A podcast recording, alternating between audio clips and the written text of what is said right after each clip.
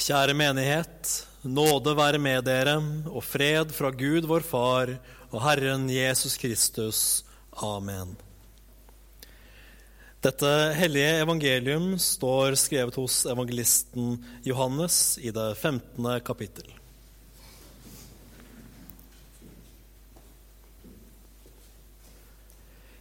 Jeg er det sanne vintre, og min far er vingårdsmannen. Hver grein på meg som ikke bærer frukt, tar han bort. Og hver den som bærer frukt, renser han, for at den skal bære mer frukt. Dere er alt rene på grunn av det ordet som jeg har talt til dere. Bli i meg, så blir jeg i dere.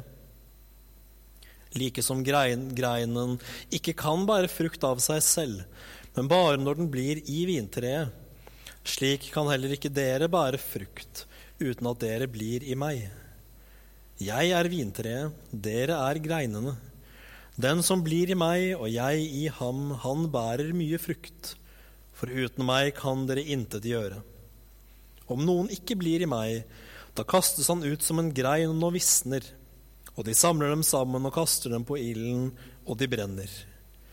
Dersom dere blir i meg, og mine ord blir i dere, da be om hva dere vil, og dere skal få det. Og dette min, i dette er min far herliggjort, at dere bærer mye frukt, og dere skal bli mine disipler. Slik lyder det hellige evangelium. Hellige Far, hellige oss i sannheten. Ditt ord er sannhet. Amen.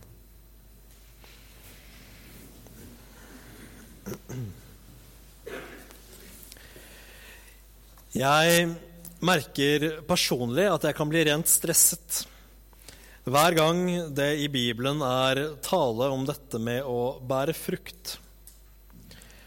Det går et støkk i meg, og så tenker jeg nesten å nei, hva om pavekirken hadde rett? Hva om vi må gjøre mange gode gjerninger for å fortjene frelsen?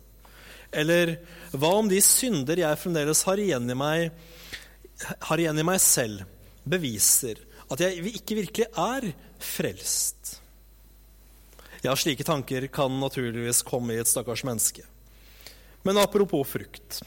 Hva slags frukt vil slike tanker bære?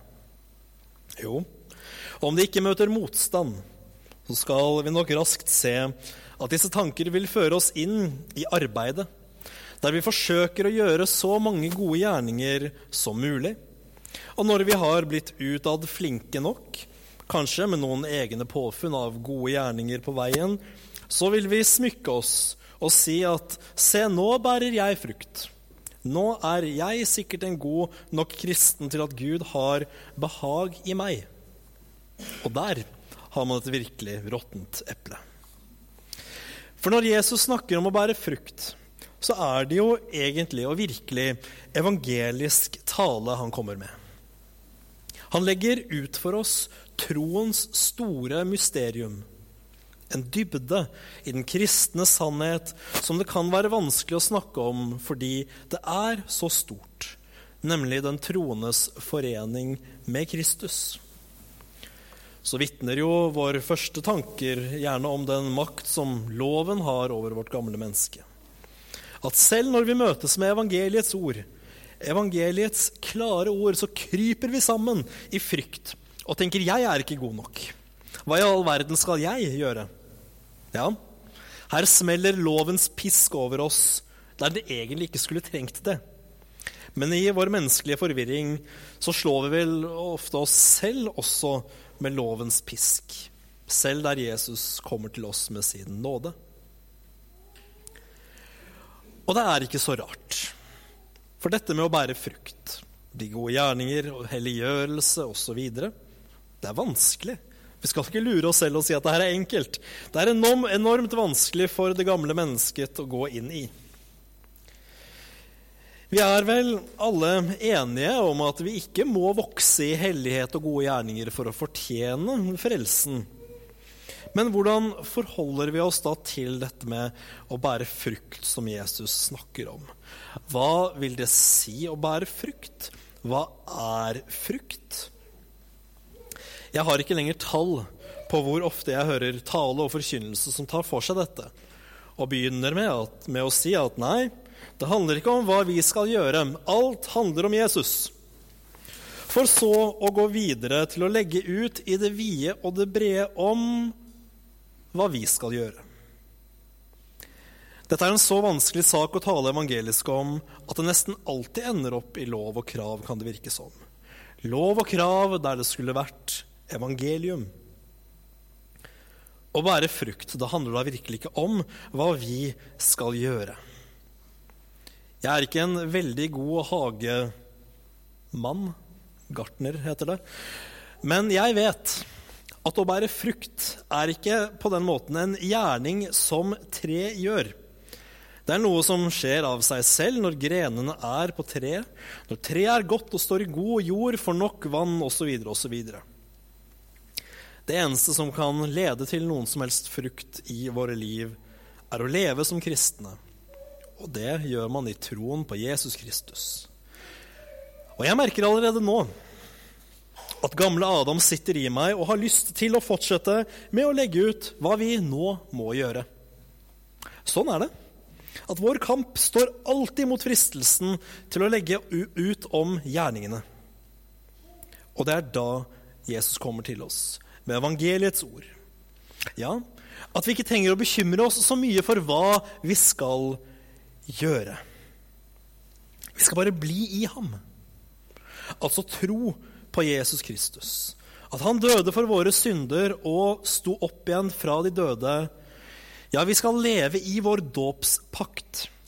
At Gud ved sitt ord og løfte har frelst oss fra dødens, djevelens og syndens makt, og den dype, men likevel ofte vanskelige innseelse av at i kraft av Den hellige ånd som vi fikk i vår dåp, så er vi allerede fullkomment hellige. Og akkurat det ble for meg en stor vekker. Etter lenge å ha slitt med dette med helliggjørelse, og ofte talt om at helliggjørelse det kommer bare når vi er nær Jesus, og så gått videre til å fortelle folk hva de må gjøre av stort og smått. Jeg har også gått i den fellen. Helt syndefri vil man ikke klare å bli i dette livet, sier man. For det må man jo si. Men noen synder må du vel klare å legge av deg. Være litt snillere, be litt mer, gjøre flere gode gjerninger mot din neste, være litt mer glad i Gud, osv., osv. Ja, hva har vi redusert helliggjørelsen til da? Nei. Luther hjalp meg med dette, som han har hjulpet meg med en del andre ting også. Og Måten Luther snakker om dette på i utleggelsen av den tredje trosartikkel om ånden og helliggjørelsen, ble for meg en vekker. Han forklarer i Store katekismus at når ånden virker troen, det er da den virker helliggjørelsen. For når ånden virker troen i oss, ja, i det så gjør den oss hellige. For å tro er å være hellig, og å være hellig er å tro. Det er derfor vi hver søndag kan bekjenne troen på de helliges samfunn. Ikke fordi våre gjerninger har gjort oss bitte lite grann mer hellige enn de der ute, men fordi Ånden har gjort oss hellige. Men hvis jeg ikke bærer nok frukt, så vil jeg jo bli hugget av treet som en udugelig gren, tenker vi kanskje nå. Og vil likevel høre om hva vi selv kan gjøre. Så hør da hva Paulus sier. Var det manglende gode gjerninger eller vantro som førte til at noen grener ble hugget av. Så er det vel heller ikke de gode gjerninger som skal få oss podet inn på tre, men ene og alene troen på Kristus. Og da ser vi den sanne og eneste viktige frukt komme frem. Den frelsende tro på Jesus Kristus, på evangeliet om Guds nåde mot syndere for hans skyld dette er ikke for å si at gode gjerninger mot vår neste ikke er uviktige. Vi tror at vår neste trenger de, og at vi er skyldige og pliktige å gjøre det. Men, og Vi skal heller ikke si at vi skal finne fred i våre synder. Nei. Det, alt dette evangeliske her står ikke i motsetning til boten og omvendelsen. Men vi må ha klart for oss hva som er frukt, hva som er virkelig helliggjørelse. For hellig blir man kun i denne tro denne ene tro at Jesus Kristus er død og oppstanden for verdens synder. Si meg det, hvem er mest hellig? En som har all verdens gode gjerninger og derved tror at han fortjener himmelriket? En som gjør all verdens mirakler og tror at det er beviset på at han virkelig er en kristen, og samtidig legger all verdens gjerningsbyrder på Guds barn? Eller en stakkars synder, fattig i seg selv på hellighet og gode gjerninger, men klamrende til sitt eneste håp, som er Jesu død og oppstandelse? Var det tolleren eller fariseeren som gikk rettferdig hjem for Gud? Så sier også Jesus, dere er alt rene på grunn av det ord jeg har talt til dere. Ja, dette nåderike guddomsordet er det som gjør oss rene og hellige, som stadig renser oss. Det heter jo i en av våre kirkebønner Du oppdrar oss til ditt rike med kors og trengsel.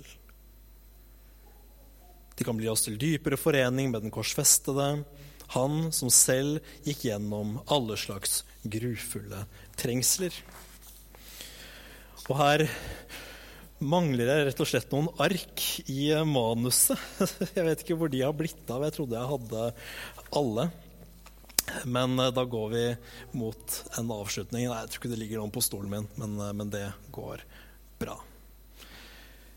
Avslutningsvis så må vi si noe om dette med å være en gren på treet.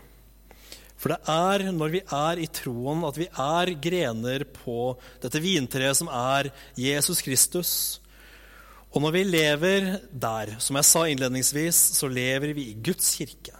Der hvor korset og oppstandelsen er den virkeligheten vi har å forholde oss til. Her, og bare her, er nåden. Her, og bare her, er frelse for syndere. Og Det er korsets store mysterium, dette som kalles korsteologien. Sant? At våre kors og våre trengsler de oppdrar oss for Guds rike. Det som tilsynelatende er ondt og brutalt og meningsløst for verden, ja, det er mye som kan være ondt og brutalt og meningsløst også for oss. Men den kristne tros mysterium er at vi har en Herre som har gått gjennom alt dette som har gått gjennom alt. Han har lidd alt. Han har blitt pint og dødd for oss. Og vi er en del av ham, og når vi tar opp vårt kors, følger ham og lever i denne tro, så har vi syndenes forlatelse, frelsen, det evige liv, og skal leve i evigheten sammen med ham i himlenes rike. Ære være Faderen og Sønnen og Den hellige ånd, som var, er og blir en sann Gud fra evighet og til evighet. Amen.